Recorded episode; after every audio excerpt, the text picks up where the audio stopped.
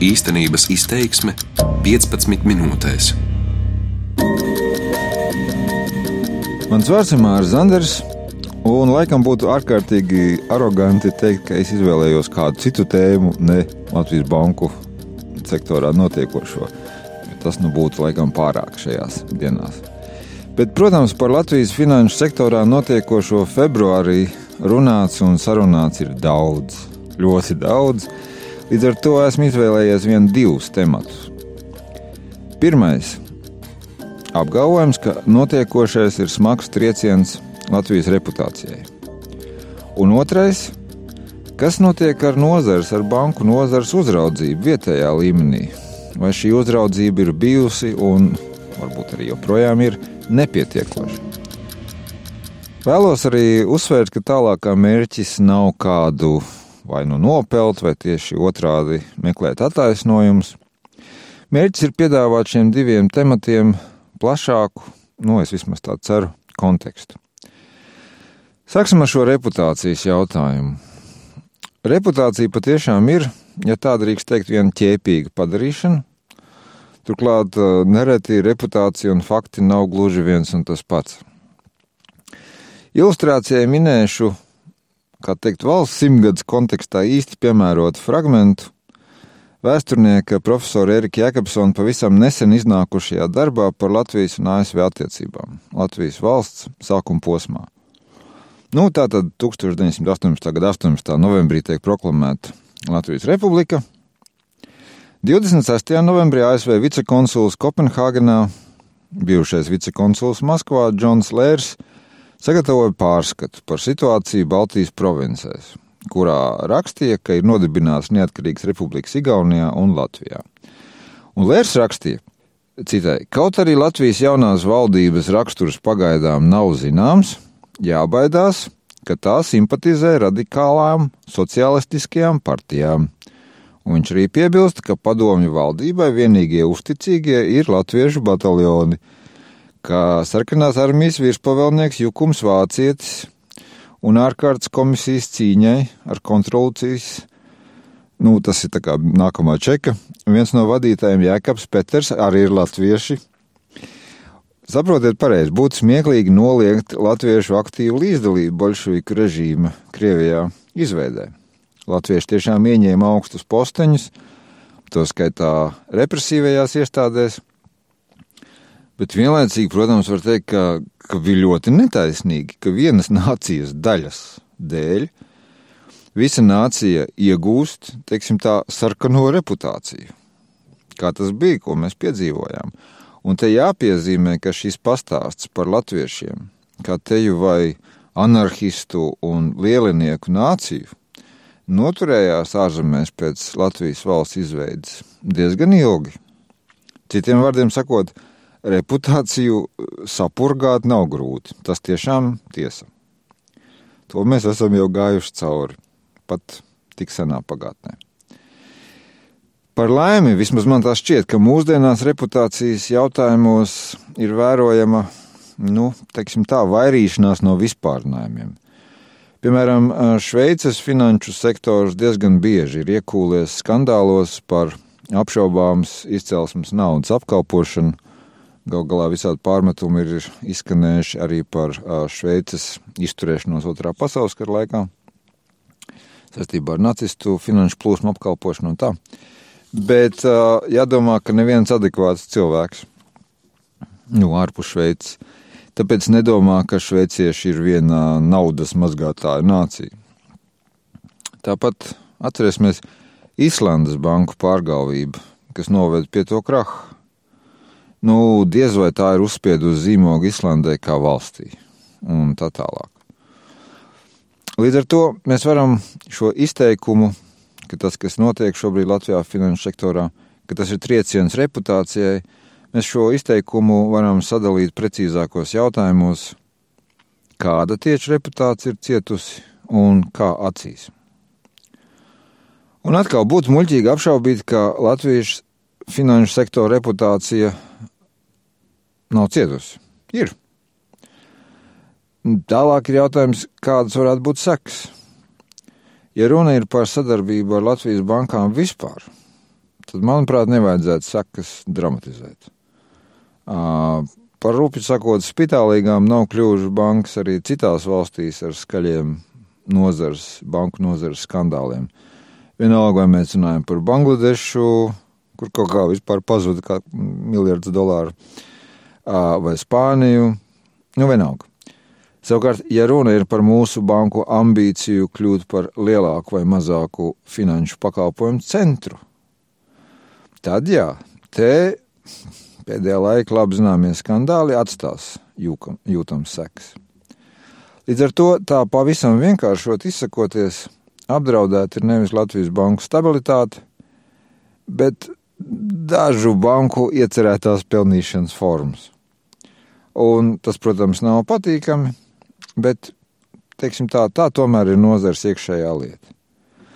Um, turklāt arī atgādināšu, ka tas, labi, tas nav banku sektors, bet atcerieties, savulaik bija ļoti skaļš uh, skandāls Volkswagen par šmaukšanos ar, koncernu ražoto autiņu um, kaitīgo izmešu rādītājiem. Bet arī tas galu galā nav mazinājis tiksim, Vācijas mašīnu būvas uh, reputāciju. Drenķīgāk no reputācijas viedokļa ir apvainojumi, nu, kas arī ir izskanējuši, augsta līmeņa korupcijā. Jo šie, ja tā var teikt, izceļas ar pielipšanas spēju. Un tam ir arī piemēri. Um, man, piemēram, liekas, baigi netaisnīgi, ka Rumānija, valsts ar izcilu literatūru un droši vien daudzām citām izcilām sfērām, starptautiskajā presē visbiežāk tiek piešaukta vietējās korupcijas kontekstā vai, vai formulēšu citādi, skaidrs, ka korupcijas problēma Rumānijā ir ļoti nopietna, tomēr gal galā nu, tā nav visa sabiedrība. Bet jā, tā nu dažādu iemeslu dēļ ir noticis, ka korupcija Rumānijas reputācija ir nodarījusi lielu skādi, un šī asta velkas Rumāņiem un vilksies līdzi ilgi. Līdz ar to Latvijas atbildīgajām amatpersonām ir jākoncentrējas tieši uz šo korupcijas sastāvdaļu, pēdējo nedēļu skandālus. Respektīvi, ne tik daudz par to, vai ir cietusi banku sektora reputācija, bet šie smagi apvainojumi par augstu līmeņu korupciju. Jo, ja iesakņojas korumpētas valsts reputācija, tad tā ietekmē ne tikai atsevišķu ārzemju biznesu, bet arī daudz plašāku aprindu attieksmi pret konkrēto valsti. Es varu diezgan viegli iedomāties neizpratni no klausītāja puses, vai tad mums tāpat jau nav korumpētas valsts reputācija. Nu, ticiet vai nē, lai gan mēs paši vairumā gadījumā esam ļoti kritiskās domās par korupcijas līmeni Latvijā, ārpasaules skatījums vismaz līdz šim tik kritisks nav bijis. Atvainojos, protams, par cinismu, bet iespējams tādēļ, ka uh, ir bijuši par Latviju stiprākas kandidatūras. Bet, ja pašreizējais stāvoklis ir tāds, ja mēs runājam par vērtējumu, korupcijas, korupcijas vērtējumu Latvijā, ārzemēs, tad tas ir tāds necepts, nevārīts, tad atklāt sakot, šo situāciju var viegli pasliktināt. Tādēļ es vēlreiz atkārtoju, ja mēs runājam par reputācijas riskiem, tad centrālais ir tikt galā ar šiem apvainojumiem korupcijā, un savukārt tas, kas ir reputācija banku sektorā, Atklāti sakot, tas var pagaidīt un lēnā garā pats atrisināties. Otrā tēma - nozars uzraudzīšana. Kas es pieļauju daudz interesē, nu, vai šai uzraudzībai var uzticēties vai nevar, vai mūsu finanšu sektora daļa varēja tik tālu nenodzīvoties, ja uzraugi būtu bijuši aktīvāki. Atklāti sakot, man ir radies iespējas, ka mūsdienu finanšu tirgos vispār jau kādu laiku darbojas uh, vecā labā sacensība. Tiek izdomāti jauni regulējumi, tiek atrast radoši risinājumi šos jaunos regulējumus apiet, tad tiek izdomāti atkal jauni regulējumi, nu, izsakot tādas skriešanās. Proti, brīži, kad uh, tirgus uzraugi ir spiesti noplātīt rokas, ir faktiski visās valstīs. Es te neminēšu daudzos piemērus ASV un Lielbritānijā. Parunāsim par Ķīnu, kur valstī taču ir nesalīdzinām lielāka ietekme uz ekonomiku vispār, un kur arī baigi neskatās uz juridiskiem smalkumiem, ja komunistiskā partija vēlas kādu pārmācīt. Izsakot, nu kur, bet tur uzraudzībai vajadzētu būt ļoti efektīgai. Un tomēr arī Ķīnā finanšu sektorā ir pilna buķete. Ar apšaubāmu segumu izsniegti kredīti, no kuriem ievērojama daļa netiks nekad atdoti. Manipulēšana ar tirgu un viskrāšņākais zieds šajā buķetē - finanšu piramīdas. Izsakot tādu, Ķīnā ir desmitiem, kā vienu nolikvidē nākamā vietā. Izkrāptās summas vidēji 200-300 miljonu ASV dolāru apmērā. Apmānīto ļaužu skaits no 20 tūkstošiem līdz 5 miljoniem. Šādas finanšu piramīdas Ķīnā sāk parādīties jau pagājušā, gada, eh, pagājušā gadsimta 90. gadu nogalē un turpina rosīties joprojām. Tas ir Ķīnā, es vēlreiz atkārtoju, kur valsts ir ļoti stingra. Un mēs arī te runājam ne tikai par pretlikumībām, bet nu, arī savā ziņā diezgan primitīvām darbībām. Un šādā kontekstā var tikai iztēloties piepūles līmeni tirgus uzrauga pusē, kad runa ir par juridiski un tehnoloģiski izsmalcinātiem finanšu instrumentiem, kurus azartiski izstrādā gudri cilvēki uzraugāmo pusē.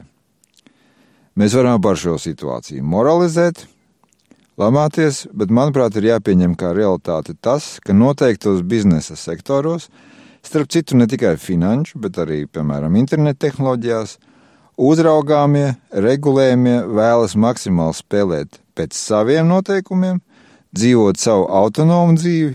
Nu, savukārt, regulātori cenšas panākt regulējumus viņu izdomas lidojumā.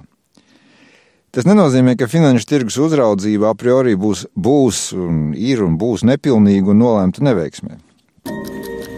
Pirmkārt, Uzraudzībai ir jācenšas būt tikpat dinamiskai kā uzraugāmajiem. Tas ir, uzraudzībai ir jārēķinās, ka tās darbībā nav tādas robežas, kuru sasniedzot var atvieglot nopūsties un paļauties uz status quo saglabāšanos pārskatāmā nākotnē.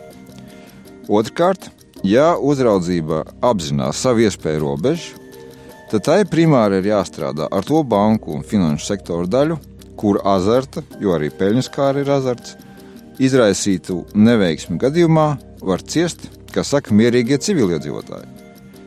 Ja viens investīciju banķieris apspēlē otru, turklāt nevienmēr ar baltiem cimdiem, tā ir viena situācija, un domāju, ka te neko daudz labot nevar. Šajā situācijā iesaistītie paši ir pieņēmuši specifiskus spēles noteikumus, un par viņiem līdzjūtības asaras nav jālēj. Uzraudzības fokusā ir jābūt tā saucamai retail, nu, mazumtirdzniecības, ja tā var teikt, banku sektoram, kas strādā ar fiziskām un juridiskām personām, kas bankas vienkārši izmanto kā dažu noderīgu pakalpojumu sniedzējus. Tad fokus. Un treškārt, kamēr uzraugāmie, šajā gadījumā finanšu sektors, nesāk apzināties, ka par tā saucamo balto apaklīšu noziegumiem sods būs tikpat bargs, ka nekādu atlaižu nebūs tikai tāpēc, ka neviens nav nosists vai aplaupīts piedraudot ar ieroci, tikmēr arī labi izstrādāti regulējumi nedarbojas. Tēlēni izsakoties, Volstrīts sāka piesardzīgāk uzvesties tad, kad pēc pēdējās krīzes ASV finansisti sāka, kā saka, reāli nonākt aiz restēm uz ilgiem gadiem. Citiem vārdiem sakot, rezumējot, problēmas ir, bet tās ir risināmas darbības vārds īstenības izteiksmē izsaka darbību kā realitāti. Tagatnē, pagātnē vai nākotnē, vai arī to noliedz.